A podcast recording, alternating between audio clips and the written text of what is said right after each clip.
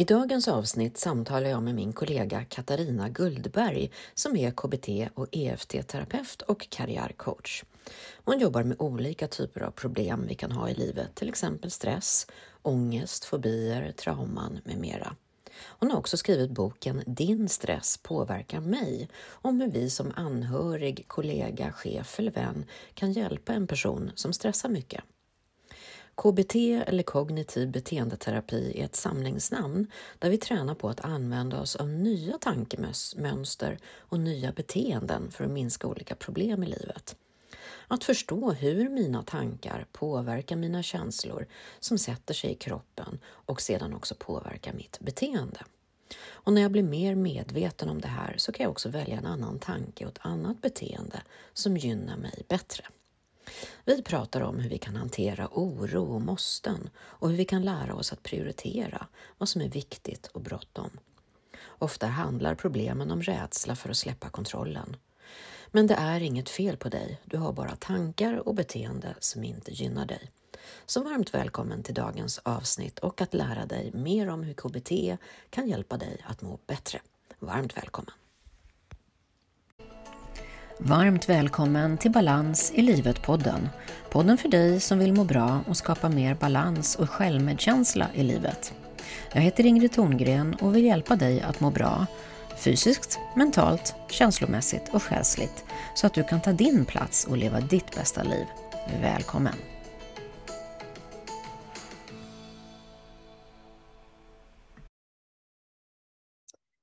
Katarina och varmt välkommen hit till Balans i livet-podden. Så roligt att du vill vara med här. Tack, jätteroligt att jag får vara med, verkligen. Ja, och vi känner ju varandra sedan ganska lång tid tillbaka, tio år kanske. Mm. Där vi mm. först var kollegor i en gemensam lokal där vi jobbade som terapeuter och coacher och sedan följde du med till Helhetshälsan som var ett ställe som jag drev i sex år vid Norra Bantorget inne i Stockholm. Där vi också var kollegor och också hade en hel del inspirationsföreläsningar och sådär tillsammans. Så berätta lite kort för de som inte känner dig. Vem är du och vad gör du idag? Ja, jag eh Idag arbetar jag då som eh, KBT och EFT-terapeut, karriärcoach. Eh, och det har jag gjort sedan 2010. Och innan dess, så för hundra år sedan känns det som ibland. Jag utbildade mig till socionom en gång i världen och eh, på det läste beteendevetenskap. Och sen gjorde jag det jag brukar kalla för smickerkarriär. Hade väldigt låg självkänsla, beroende av vad alla andra tyckte. Och det resulterade i att jag 2005 blev riktigt sjuk i eh, svår utmattningsdepression eller ut, stressrelaterad utmattningsreaktion heter det. Det tog faktiskt tre och ett halvt år för mig att komma tillbaka. Och den där erfarenheten gjorde ju att jag började se på livet på ett annat sätt och se på, på människor. Och det var inte bara jag va, som höll på så här. Mm. Och då kände jag att nej, eh, jag vill se om inte jag kan börja påverka andra till att inte bli så sjuka som jag. Mm. Och ett av de största skälen till det är att jag såg hur det här påverkade min omgivning och framförallt mina barn. Mm. Och det har blivit och blev en väldigt stark drivkraft för mig. Så att jag gick ju själv i KBT i över ett år. Mm. Uh, och kom ju till mycket insikter och förstod också vilket fint verktyg det var. Ja. Så var det så du började, att du själv gick i KBT-terapi? Ja, gjorde att precis. du kom in på det här? Exakt. Ja. Och det gjorde att då utbildade jag mig till diplomerad KBT-terapeut och karriärcoach. Mm. Och det har varit en bra kombination. För det är många som kommer till mig som inte är riktigt på rätt plats. Mm. Och när jag då, om vi kan stötta dem att komma i balans och sen kan jag då coacha dem vidare. Mm. Så det, som sagt, jag har jobbat med det här sedan 2010. Sen har jag ju också andra erfarenheter Eh, jobbar en del med medberoendefrågor, eh, jobbar med fobier och trauma och så. Och som mm. sagt, sen kom jag i kontakt med EFT som jag mm. vet du också haft en podd om. Ja. Eh, jättebra var det.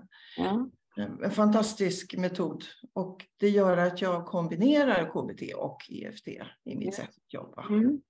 Men om vi ska börja då med lite med KBT då först. Ja. Vi går in på de andra delarna sen också. Ja, vad är KBT för någonting? Var kommer det ifrån? Hur funkar det? Och vad, hur gör man då? Ja, hur gör man då? Det kommer ifrån eh, det är två terapier, beteendeterapi och kognitiv terapi. Och det har sitt ursprung från början på 1900-talet, beteendeterapi, eh, två förgrundsfigurer, B.F. Skinner och John Watson, som, som en protest faktiskt mot psykoanalysen, som man tyckte jobbade mer med inre processer som man, de tyckte man egentligen inte kunde veta så mycket om.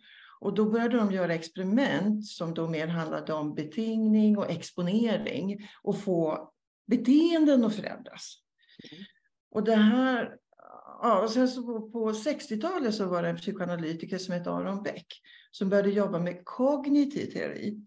Och han tyckte att patienters problem ofta berodde på vad de liksom uppfattade om sig själva, om omvärlden. Och de tolkningarna var många gånger fel. Mm. Och då började han få personer att börja utmana sina föreställningar, alltså jobba med tanke som då kan påverka känslor och som sen kan påverka beteendet. Mm. Men själva KBT-begreppet kom på 80-talet och är då en kombination av både beteendeterapi och kognitiv terapi. Mm, just det. Sen på senare tid har också adderats lite mindfulness mm. och också någonting som heter ACT, Acceptance Commitment Therapy, som man jobbar med acceptans. Mm. Kommit lite senare. Mm, ja, det, är lite... det är lite kort om, om bakgrunden till, till KBT. Just det. Så 80-talet blev det stort, och idag är det ju väldigt vanligt inom vården. Om man får ja. gå i terapi så är det ofta KBT-terapi. Ja, det är det. Och skälet till det är just att det räcker inte bara att prata. Nej. Samtidigt så behövs det också. Alltså, Du behöver få en förståelse för vad det är som har hänt. Mm. Men sen är det väldigt viktigt också att börja tänka på ett annat sätt och känna på ett annat sätt och som möjliggör att du kan bete dig på ett annat sätt. Mm. Det är ju beteendet som skapar resultatet, hur mm. du mår. Ja. Och det är väldigt optimistiskt att tro att om du ska tänka på samma sätt och göra på samma sätt, att det plötsligt skulle bli på något annat sätt. Nej. Det kommer inte att hända. Nej. Så grejen är faktiskt att verkligen våga och då kallas det inom KBT-språk för att exponera sig för det man är rädd för. Mm. Och upptäcka då att det inte är farligt. Just det. Så tänka och då är man också känna och göra annorlunda för att få ja. resultat. Ja. ja. Så hur, eh, hur går det till då att gå i KBT-terapi? För ja, för det första så måste man ju ha ett problem. Mm. Alltså Vad kan det vara för typ av problem då man kan ha för att komma till dig eller gå i KBT? Ja. Om vi tar det som de många upplever då, stress stresspåslag. Mm. Och det får ju då olika konsekvenser i människors liv, som det fick för mig till exempel. Mm.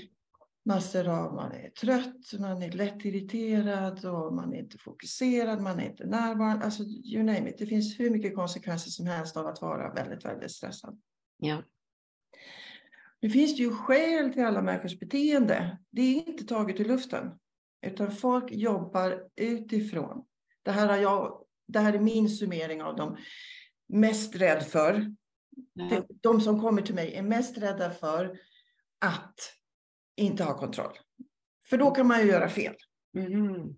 Ja. Om man gör fel, då kan det hända att någon inte tycker om en. Ja. Och då kan det hända att man inte får vara med. Mm. Och då kommer hela savannen-hjärnan på. Vilket hot. Därför att på savannen så var det faktiskt livsfarligt att inte vara med i gruppen. Mm. Det är jättelogiskt. Ja, just det. Så de jag möter... Att inte liksom, få mm. Nej, precis. Jag brukar säga att det är liksom inget fel på dig. Men du har ett beteende som gör att du inte mår bra för att du tänker mm. att det är farligt att någon inte tycker om det du gör. Ja. Så börjar man prestera. Och så skapar man då prestationsbaserad självkänsla. Mm. Det är det de flesta kommer till mig med. Just det. Ja. Mm. Så man är inne i någon slags presterande här och vara duktig och vilja och inte förlora kontrollen. Ja. Att man vill vara duktig, man vill bli, få uppskattning och man vill få vara med i sin grupp så att säga. Om det blir ja. Mm. Och det som är så otroligt sorgligt va, det är att de jag träffar, de är jätteduktiga, smarta, begåvade. Du vet, det är liksom ingenting för, för lat man ska vara, bränna ut sig. Mm. Utan det är faktiskt det är jättesmarta, men de använder sig själva på fel sätt. Mm. Många som kommer till mig är jätterädda för nu ska jag börja bara göra good enough. Mm. Och det är ju det värsta de vet. Ja. Då, då, får de ju inte bekräftelse på att de duger. Mm. Då brukar säga, ja men det är jätteroligt att vara duktig, för det är det. Men du behöver inte vara det jämt. Nej. Jag ska träna dig hur du kan välja Just. Du ska vara duktig. Ja. Så vad händer då, så om man kommer med det här problematiken då, att man är stressad på något sätt? Mm. Vad gör man då hos dig? Ja, jag brukar börja med att försöka få dem att berätta vad är det som det påminner om? Mm. Alltså om man har då ett beteende som på något sätt återupprepar sig Mm. Så kommer det någonstans ifrån. Och det är inte så vanligt att Nej. det har hänt någonting va, i barndomen. Någon händelse som har gjort att du har lärt dig. Mm. Till exempel jobbar med personer som har varit utsatta för mobbing eller personer som har haft föräldrar som inte har förmått att bekräfta och se dem. Utan när de har sett dem så har det varit på grund av att de har varit duktiga. Mm. Och då lär man sig, för varje barn tittar efter vad är det för beteende som belönar så här. Mhm. Och när man då inser att ja, men det här funkar ju, jag är duktig. Och så hittar man att man fortsätter bara prestera för att få kärlek och bekräftelse. Och så Mm. lever man i tron att det är ett villkor. Just det. Mm. Och då kan jag utmana dem genom att först och främst lära dem. Skilj på vem du är och det du gör. Mhm. Därför att du som person med dina egenskaper och förmågor kan liksom inte vara fel. Nej. Försök att sitta still på ett rum på en stol och vara fel. Mm. När du bara är. Va? Det går inte. Nej. Men du kan däremot göra väldigt mycket tokiga saker. Mhm. Men det är ju ett val. Nej. Och när vi då, vi dömer ju ofta, det möter jag ju också personer, man, man dömer sig själv, tycker att man är dålig. Mhm.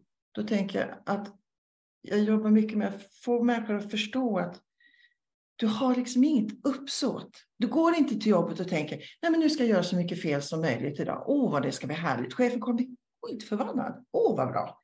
Vem skulle komma på idén? Mm. Utan det är faktiskt så att de flesta går till jobbet och gör så gott de kan. Ibland blir det fel. Mm. Får man helt enkelt förlåta sig själv Mm. så får man reflektera och lära sig till en annan gång istället för att slå på sig själv och älta. Mhm. Som ju tar rätt mycket energi. Just det. Så det första är att bli lite mer medveten om vad kan det här äh, vanan, beteendet komma ifrån? Kanske jag lärde Ja. när jag var barn, yngre. Att vara duktig, då får jag beröm, uppskattning och kärlek. Ja. Och sedan hitta nya strategier framåt för att slippa vara så duktig då och prestera. Exakt. Och lära sig bekräfta sig själv. Ja. Och komma ifrån behovet av att bli bekräftad. Mhm. Utifrån andra. För du blir utifrån styrd. Det är någon annan som sätter din agenda. Mm. Därför att du är så rädd för att åka ur gruppen. Och därmed så signalerar du till kroppen att du ska dö. Mm. Det är ganska intressant om man tänker på att stress är alltså ett upplevelse av hot Mm. som hjärnan har registrerat. Så här går det då runt människor på fullständigt fredliga arbetsplatser och tror att de ska dö. Ja. Ja, men det blir så absurt. va? Just. Det är faktiskt så, det, und- det är inte medvetet, jag tror inte chefen ska skjuta mig, men i det undermedvetna Mm. så har hjärnan alltså registrerat det här som ett hot. Om jag har prestationsbaserad självkänsla. För då är Mhm. det farligt. Mm. Just det. Och det är så onödigt. Och jag menar, ta det här med exempel, köra bil. De Mm. flesta är inte särskilt rädda för det. Nej, det fanns inga bilar på savannen. Vi har ingen nedärvd rädsla för det. Vet du hur många jag möter som vaknar mitt i nätterna? Fullständig panik. De har hjärtklappning och de kan inte nästan andas. Va? Därför att det är någonting de har tänkt på kring jobbet. Mm. Jag menar, det är den fredligaste tiden på dygnet. Vem skulle komma hem till dig mitt på natten och börja jaga dig kring jobbet? Ja. Apropå tankar va? Ja. Så det är tankarna som stressar oss. Ja. Mm. Ja. Därför det är som sagt, det finns ju vissa jobb som är farliga, men de är inte många. Polis, brandmän, alltså några till. Va? Och det här är, KBT handlar då om att jobba med de här föreställningarna, tankarna. Mm. Men man får också ha lite respekt för de här människorna som stressar. De Mm. har ju skäl för det, va? för att de tror faktiskt att de är i fara Mm. om de inte levererar på Mm. max. Mm. Så att det, man får ha lite ödmjukhet. Ja. Sedan i KBT ingår det en hel del också att man som tränar nytt, som du sa, man ska exponera sig för det man Ja. och man ska träna ett nytt beteende, nya tankar, nya handlingar. Precis. Så vad, vad kan det vara för någonting? Hur går det till? Liksom? Ja, till exempel, jag ger ju då förslag på vad de ska träna. Mm. Och det är till exempel att hantera oro. Ja. Så nästa gång personen då sitter på jobbet och känner sig väldigt orolig så får man tänka så här, okej, okay, det jag oroar mig för just nu, kan jag göra något åt det just nu? Och kan jag det, gör det. Kan du inte det, släpp det, gör något annat. Mm. Oro är till för att agera, inte bara reagera. Det är fullständigt mm. värdelöst att sitta och älta, oroa sig, älta, oroa sig. Om du inte kan något åt det, kan du lika gärna släppa det. Mm. Ja, det låter ju lätt. Va? Nu sa jag inte att det var lätt. Jag sa att det är så man gör. Ja, man tränar. Bli medveten först och sen ja. träna. Mm. Ja. Och så träna då på, kan jag göra något åt det? För, för kan du inte det, mm. det händer ingenting. Du kan sitta och oroa dig, du blir blå i ansiktet. Det kommer inte förändras smack. Om du inte kan göra något åt det. Mm. Utan kunna fånga den tanken där då och kunna se, okej okay, det här jag tänker på nu som oroar mig, ja. kan jag göra åt det eller inte? Kan jag släppa det? Mm. Exakt. Mm. Och faktiskt konkret gör något annat. Och då mm. brukar jag föreslå så här, om du sitter ner och oroar dig och mm. kommer på det, men stopp, tonårsungen är ute till exempel, inte kommer hem, klockan är, hon ska vara hemma 10, två minuter över tio, hon är inte inne va? Okej, kan du göra något åt det? Men alltså kan du, eller om hon är kvart i tio kan du inte göra något åt hon ska vara hemma tio. Res dig upp så att du förändrar kropps eh, hållningen. Så att mm. kroppen också får veta, okej, okay, nu skakar vi ur det. Ungefär som man gör med djur, va? när de går in i mode av aggression, då kickar man till dem lite så att hjärnan, hopplar, vad, vad händer nu? Så mm. att du fysiskt gör någonting annat. Mm. Så det är ett verktyg, hantera oro. Mm. Och sen, jag lär också personer att sluta uppleva måsten. Jag har inga, förutom ett, jag ska dö en gång. Det måste alla. Mm. Ja, det måste jag. Det kan jag inte välja bort. Men allt annat är faktiskt ett aktivt medvetet val. Mm. Just det. Det, finns, det här är en av de bästa grejerna som har gjort att jag fungerar idag. Mm. Och, och, liksom, och kan jobba. Det finns ingen som kan tvinga mig till något. Mm. Det är precis ingenting. Det är jag som väljer. Och nu gäller det att lära sig att tänka konsekvenser. Mm. Att gå från det här att tycka att jag måste massa grejer eller borde massa grejer till att kunna säga jag vill eller jag vill inte. Att det är jag som Exakt. hela tiden väljer. Mm. Exakt. Mm. Därför att du kan tänka utifrån konsekvens om du känner att jag måste, måste hämta barnen på dagis. Eh, jaha, men vad händer om du inte gör det? Ja, då blir de kvar där. Ja, det vill inte du. Nej. Du vill hämta dina barn på dagis. Mm. Det är inget måste. Nej. För att annars så känns det som att det var ju dagispersonalen som bestämde det. Men så är det faktiskt inte.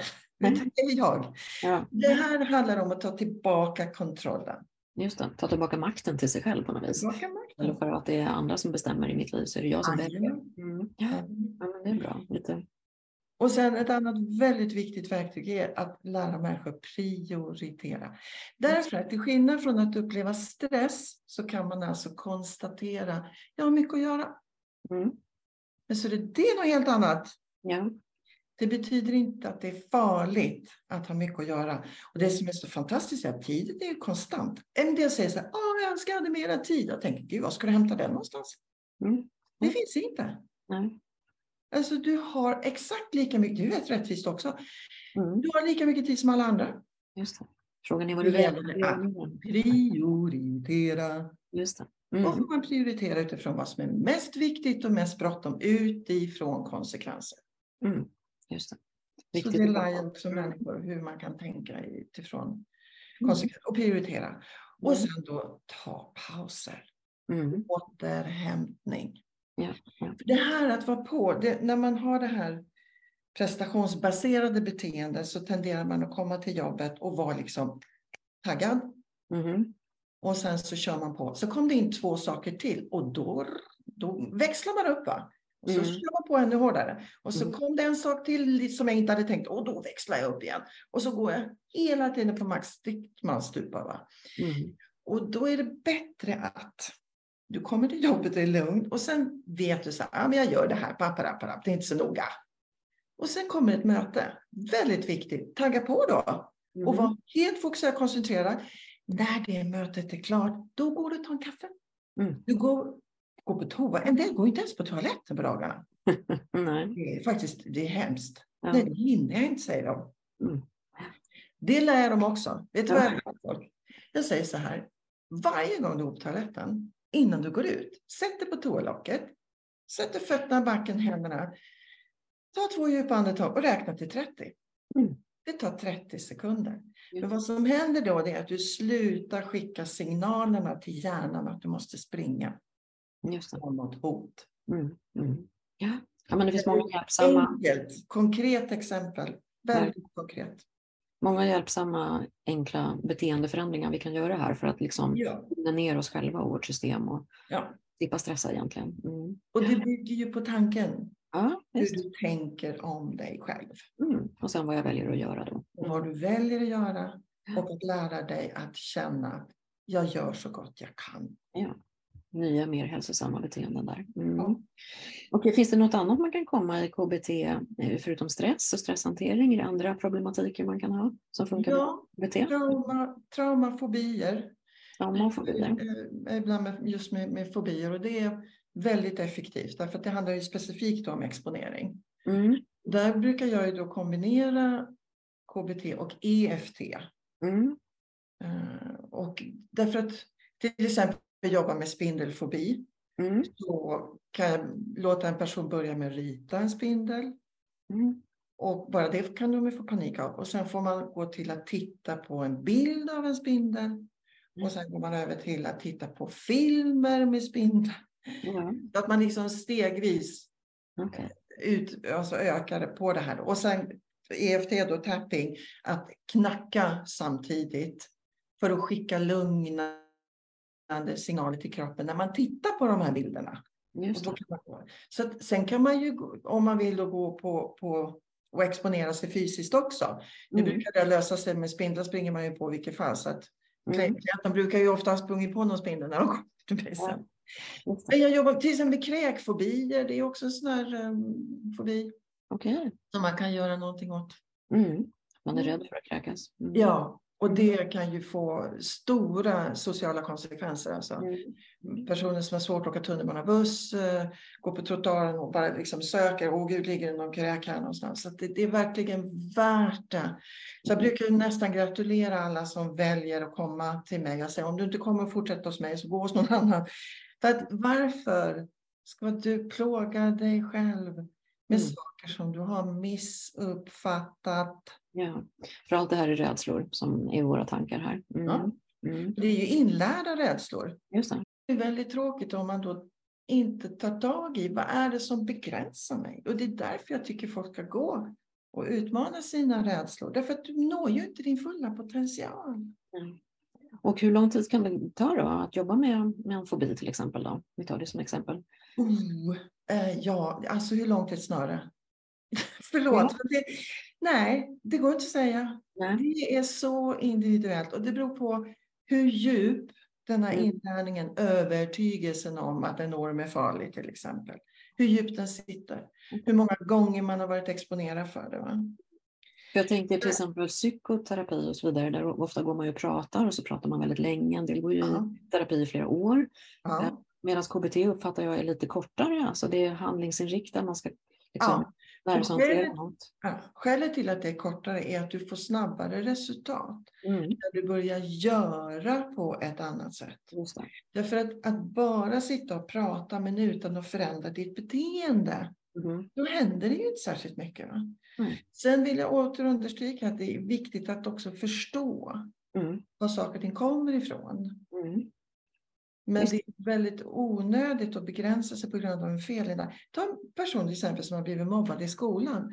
Det är ju ett mönster. Va? Man har blivit utsatt för någonting under många, många år. mm. Och fått en bild av sig själv som att man inte duger. Ja. Det är ju så otroligt orättvist Mhm. och fel. Och eftersom jag då lever, jag kommer ju aldrig ge upp hoppet om att det går att förändra. Ja. Sen, man kan inte nå ända fram med alla, nej. Och alla metoder funkar inte för alla, nej. Men man kan i alla fall försöka. Ja. Du sa det här, för jag tycker det är väldigt spännande också, att du kombinerar då KBT som är väldigt handlingsinriktat, liksom att komma Mm. vidare, ändra sina tankar och beteenden med det här som är EFT då. Ja, Det har jag ju pratat med Jonna Stark om i en tidigare podd, men du kan väl för de som inte har lyssnat på det berätta helt kort. Vad är EFT-knackning för någonting då? Vad, vad hjälper det oss med? ja.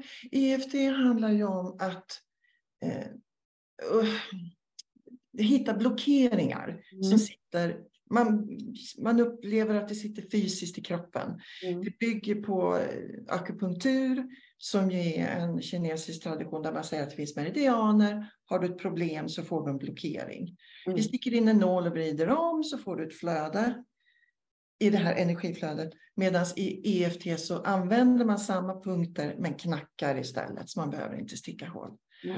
Och för att EFT ska fungera så behöver man uppleva någonting som ett problem. Mm. Och sen försöker man då hitta var har du lärt dig att det här då är farligt eller att det är eh, tokigt eller att man har blivit utsatt för någonting, till exempel mobbing. Eller någonting. Och då finns det ju minnen. Va? Mm. Och då gör man så att man aktiverar, man får, får berätta om de här minnena. Mm. Hur det var när man var mobbad i skolan till exempel. Och då aktiveras känslan och då använder man fingrarna och så Mm. knackar man samtidigt som man talar till sig själv. Först bekräftar, ja det här var förfärligt. Mm. Och sen gå över till att säga, ja fast det är över. Mm. Idag är du vuxen. Mm. Och lära människor att använda sina vuxna resurser. Och inte fastna i barnets Mm. hjälplöshet. Det. Det är det som mycket av terapi går ut på. Att Mm. få kontakt med det inre barnet. Mm. Och få människor att använda sina vuxna resurser. Mm. Jag har ju personer som är rädda till exempel för om det är någon som står och pratar inför grupp, det kan vara någon vd för något företag. Och säger, jag kan inte fatta att jag får sån panik när jag står här. Ja, men nu var du med om då när du var fem år. Pappa, pappa. Och så trodde du att du skulle dö då. Och då säger jag, ja men det fattar jag väl att jag inte ska dö nu. Ja, du fattar det. Men du har en femåring inom dig som inte begriper det alls. Mm. Utan som ser situationen och tolkar den som den var då. Va? Och så går hela systemet igång. Mm. Så det är ett sätt att släppa gamla, Ja, rädslor. Liksom. Mm. men det är bara logik. Man får ha lite ödmjukhet som jag sa inledningsvis. För att människor är rädda. Därför att de blev skrämda när de var barn. Mm. Om ingen har lärt dem då att ta bort den kopplingen som finns i kroppen. Mhm. Så kommer ju betingningen att sitta kvar. Mhm. Och det är den man löser upp med EFT. Mm. Men också med KBT när man går ut och exponerar sig rent fysiskt. Mm. Mm. Så det är en bra kombination för det går bara fortare. Ja, precis. Jag, Mm. jag, jag, liksom, jag jobbar inte med något program eller något sånt utan det är ju varje individs unika problem. Mm. Därför frågar jag hur lång tid tar det? Ja, det är så olika beroende på problemställning och vad folk har lärt sig. Hur länge har de lärt sig det? Det går Mm. alltså fortare för mig att jobba med ett enstaka övergrepp Mhm. om den personen i övrigt har vuxit upp under trygga, kärleksfulla förhållanden. Mm. Än att jobba med någon som har varit utsatt för mobbing i, hel, i hela sin skoltid. Mm. Eller till exempel varit med föräldrar som inte har varit så närvarande. Mm. Mm. Och, och där prestation har liksom belönats.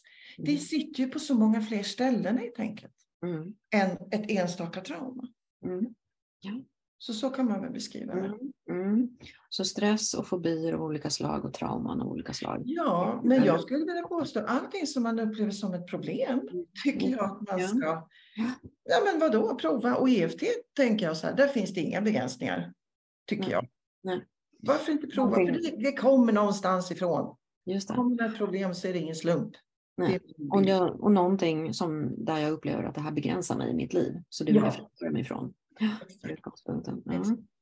Okej, då har vi pratat lite om KBT, lite EFT, lite kombinationen. Och jag tänker att du är ju också lite specialiserad just på det här med stress och utmattning och hela den biten också i och med att du har den bakgrunden själv. Jag Ja. vet att du har skrivit en bok kring detta. Ja.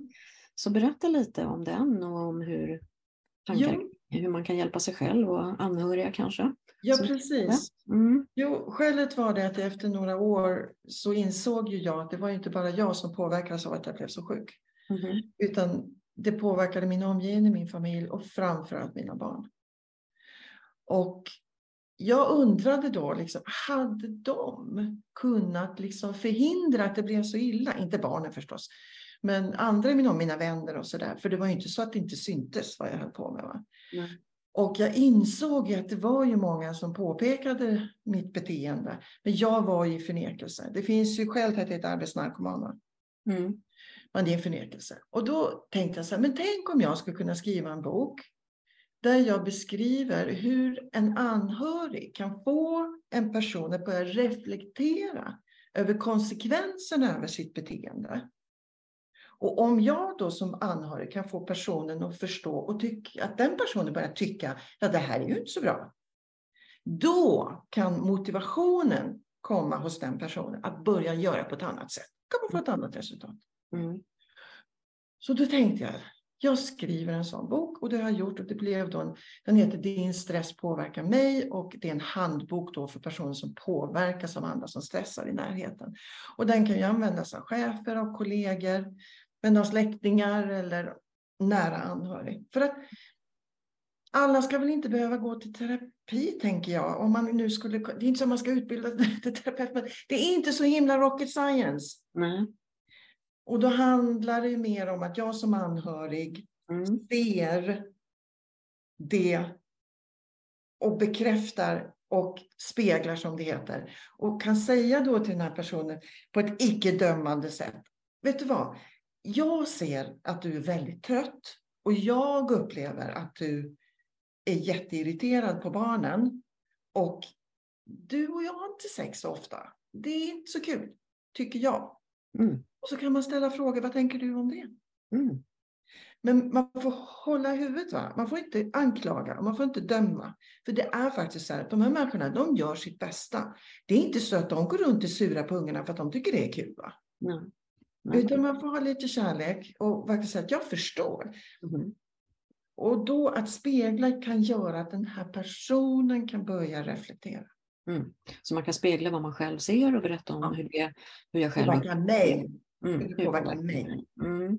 Så att man får igång en dialog där kring vad, hur, ja. du, hur har vi det egentligen eller hur har du det? Mm. Precis. Mm. Och sen då börja reflektera över de här konsekvenserna. Mm. Och då koppla det till vad är det för beteenden som gör att det blir så här hos oss. Mm. Och hur skulle vi kunna förändra det? Och sen försöker jag också beskriva att det är viktigt att man inte blir medberoende. Mm, just det. För att om jag, nej men jag tar barnen, du har det ju så jobbigt. Och det här projektet, ja just det, skulle bara vara färdigt till helgen. Då. Just nu blev det ju inte det. Nej, jag fattar. Nej, men jag tar barnen. Alltså då möjliggör jag för den här personen mm. att fortsätta med sitt beteende. Mm. Men som sagt, man, man ska då göra det utifrån en kärleksfull punkt. Mm. Och sen lära sig det här hur, hur man liksom uttrycker så här känns det för mig. Mm. Och jag skulle behöva, jag skulle uppskatta om du. Och så får man väl se om den här personen vill fortsätta med sitt beteende då eller faktiskt förändra det. Mm. Ja. Okay. Men det är ju att ta sitt vuxna ansvar där och att våga ja. berätta vad man ser, vad man känner och vad man behöver själv. Mm. Utan att mm. anklaga den andra. Mm. Mm. I syfte att hjälpa. Ja, och man måste liksom ha den här intentionen. Mm. Det får inte vara att jag är så att det går så långt att man själv bara brister ut och börjar anklaga sig. Du är dum och jävla idiot och hålla på så. För det leder ingen vart. Va? Och det här, personer som håller på så som jag gjorde, mm. det är bara deras bästa lösningsförsök på en ångest som, som de känner. Ja, mm. Och även de gör faktiskt så gott de kan. Ja, och ångest också är rädsla. Ja, precis. Mm. Ångest är rädsla. Va?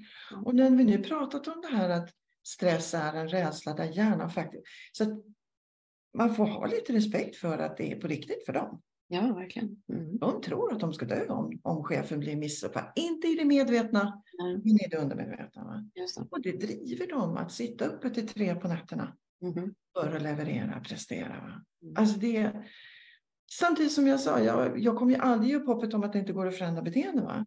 Klart, absolut. Mm. Precis som du så, så är ju du också väldigt optimistisk om såklart ja. att det går att förändra. Ja, det gör det definitivt. Mm, och det här om man själv då upplever att jag är väldigt stressad. Mm. Finns det några konkreta tips eh, du har där?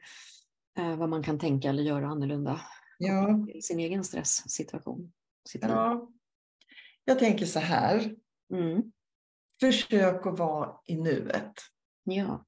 Därför att de flesta som jag möter, de är antingen i dåtid och sitter och ältar och hur det var igår och varför sa jag så och det inte blev och, så och så slår man på sig själv och så tar det massa energi. Mm. Eller också så ägnar man sin tid åt att ha väldigt mycket negativa fantasier om framtiden. Ja. nej, det kommer gå till helvete imorgon. Det kommer aldrig gå bra. Och, och nej, och han, nej, och, och, och de, det kommer gå dåligt för dem. Och, ja, nej, massa negativa fantasier. Mm. Det som är väldigt intressant är nämligen att vi lever bara nu. Mm. Och det är väldigt rättvist. Va? Därför att det finns ingen som har några garantier för något. Nej. Ingen. Alltså åtta miljarder människor finns just nu. Alla har sitt eget lilla nu. Och ingen kan garantera vad som händer om en minut. Ingen människa kan kontrollera framtiden. Ingen, men vi försöker. Jag frågar så här, men när tänker du att du har kontroll? Och så där? Jo, men jag har ju kontroll då på, på barnen och så där. Ja, har du koll på dem nu? Eh, va? Ja, du sitter ju här. Har du ingen koll på dem? Det är mycket illusion, va? Att ja. vi tror att vi har kontroll. Därför att sanningen är den. Det enda du har kontroll på, det är nu. Ja. Och det enda du kan ha kontroll på är dig själv. Mm. Så det är inte så mycket egentligen. Så det handlar om mycket om att släppa alla tankar egentligen och försöka fokusera på här och ja, nu. Det är inte så att man bara, man måste planera, man måste påverka, man måste mm. förebygga så att det blir som jag har tänkt i framtiden. Mm. Men då kan man ju välja att tänka att det ska gå bra. Mm. Det är också en fantasi. Ja. Du vet ju inte. Men tänk att det går bra. Ja, för många bygger ju upp eh, det värsta scenariot i tankarna. Ja, att eh, det ska bli katastrof och gå illa ja. för att man ska vara förberedd då på det här. Mm. Istället för att mm, faktiskt ha en fantasi om att det ska gå fantastiskt bra. För menar, om det sen går åt peppan, ja då har du ju bara varit glad i onödan. Då. Ja. Men det, det, skadar väl inte? Istället för att faktiskt, för jag är tillbaka till det här. Det är ingen som vet. Det här är ett av mina viktigaste verktyg som jag själv använder. När jag mm. försöker att låta bli oro. Jag är ju inte fri från allt det här, såklart inte. Absolut, men jag jobbar ju på det va? och mm. fattar ju rent intellektuellt att jag kan inte påverka vad som ska hända imorgon, nu. Mm. Så det är inte så mycket egentligen att hålla reda på. Sen vill jag också säga det här med sitta älta, sluta. Mm. Vad du däremot ska göra, reflektera då, vad var det som hände? Mm. Så att du lär dig för framtiden och sen mm. släpp det. Just det. Och sen göra en bra plan. Hur kan jag undvika? Och så göra en bra plan. Så att påverka framtiden genom att mm. planera och förebygga så att det blir som du vill att det ska bli. Mm, och sen väljer du att ha positiva tankar om att det ska gå bra. Och sen mm. får man faktiskt köpa det. Ja, det kan gå åt pappan. Mm. Nej, men till exempel, jag jobbar med folk som är hypokondriska. Okay. Och tror att de ska få sjukdomar av olika slag och dö. Mm. Och lösningen är, för att de har symptom på det ena eller andra. Och så går de då och får, nej du har inte det, nej du har inte det. Och då blir de lugna. Va? Ja, hur länge varar det? Typ en kvart. Okay. Ja, men vad sjutton, du kan ju bli sjuk av något annat då. Ja, just det. Mm. Så på riktigt så är lösningen att acceptera. Ja, jag kan bli sjuk. Mm. Jag kan dö. Men hur är det just nu? Jo tack, bra. Mm. Och när jag då kollar igenom min kropp i nuet, vilket är det enda de har, och känner att jag mår bra nu. Ja, men passa på och njut då! Ja. För det är faktiskt det livet går ut på, det har jag fattat nu. Ja. Det går ut på att njuta. Njuta av här och nu och då kan vi jobba med våra tankar. Ja. Positiva tankar skapar positiva känslor, skapar positiva förnimmelser i kroppen. Ja. Och så kan vi njuta mer av det som är. Absolut. Här och nu. Och sen vill jag också säga det att eh, om man upplever att man har problem med stresspåslag eller annat, och om du har barn, så ta dig modet att reflektera över hur du påverkar dina barn. Mm, och se om du kan lära dig kanske några enkla saker som skulle göra att barnen slipper bli prestationsbaserade. Mm. Vad skulle det kunna vara? Ja, det är faktiskt det är viktigt. Ja. Det är ett av mina största drivkrafter och jag blir väldigt glad när jag får jobba med unga personer. Mm. Jag blir glad att jobba med alla, men jag blir särskilt glad när jag får jobba med unga personer mm. eller personer med, med barn mm. och som är stressade och, och få stötta dem i hur de kan hantera mm. dem bättre och på ett annat sätt och må bättre själva. Mm. För det är faktiskt väldigt onödigt. Mm. Så att ju bättre de mår, ju mer närvarande kan de vara med sina barn. Ja, och ju mer kan du se och bekräfta dem när de inte presterar. Mm. Bara vara med dem. Ja, att ha kul. Var. Ja. Mm. Du behöver inte vara så aktiv hela tiden med barn. Nej, nej verkligen inte. Ja, men mycket bra. Tack! Vilka fina tips! Tack! Ja, jag är så glad och tacksam att jag får dela med mig. Jag är verkligen det och det är det jag brinner för Ja. i mitt eh, jobb. Att få dela med mig av mina erfarenheter och de verktyg som jag har lärt mig. Mm. Och jag säger inte att det är lätt och jag, det kommer bakslag. Det gör det för mig också fortfarande. Men det går att lära om. Verkligen. Ingenting man missuppfattade när man var barn. Ja. Verkligen. Mm. Precis. Ja, men stort tack för att du ville vara med här. Och om man blir nyfiken på allt det här som du håller på med, var hittar man mer information om dig? Och det? Ja, jo, jag har en hemsida som heter stress-fri.se. Eh, och där hittar man information och kontaktuppgift. Och jag har alltid ett första kostnadsfritt samtal på en timme. Mm. Som, ja, man får berätta vad man söker stöd. Jag beskriver hur jag jobbar. Och så tar man beslut därifrån. Så det kan man alltid boka om man vill det. Och är nyfiken bara på att se vad, vad, vad skulle jag kunna göra åt det. Mm. Så det är alla välkomna att göra. Ja, jättebra. Stort tack för att du ville vara med här och dela Ja, med dig av din kunskap. Jag är så tacksam att jag fick göra det. Tack snälla, verkligen. Ja, tack. Vi hörs och ses. Tack för att du har lyssnat på dagens avsnitt av Balans i livet-podden där jag har pratat med min kollega Katarina Guldberg om hur KBT och EFT kan hjälpa oss i vår personliga utveckling. Till exempel om du har problem med stress, fobier, ångest, rädslor eller trauman. Vill du veta mer om det som Katarina jobbar med så gå in på hennes hemsida stress-fri.se och läs mer. Om du gillar Balans i livet-podden, glöm inte att prenumerera på podden genom att klicka på Följ-programmet högst uppe till höger i din mobil på de tre små prickarna där du lyssnar på poddar. Så hamnar podden direkt i ditt poddbibliotek så att du inte missar nästa avsnitt. Du får gärna dela podden till andra så hjälps vi åt att sprida mer balans i livet till andra som också behöver det. Stort tack för din hjälp! Så tills vi hörs igen, ta hand om dig och din bästa vän, dig själv. Hej så länge!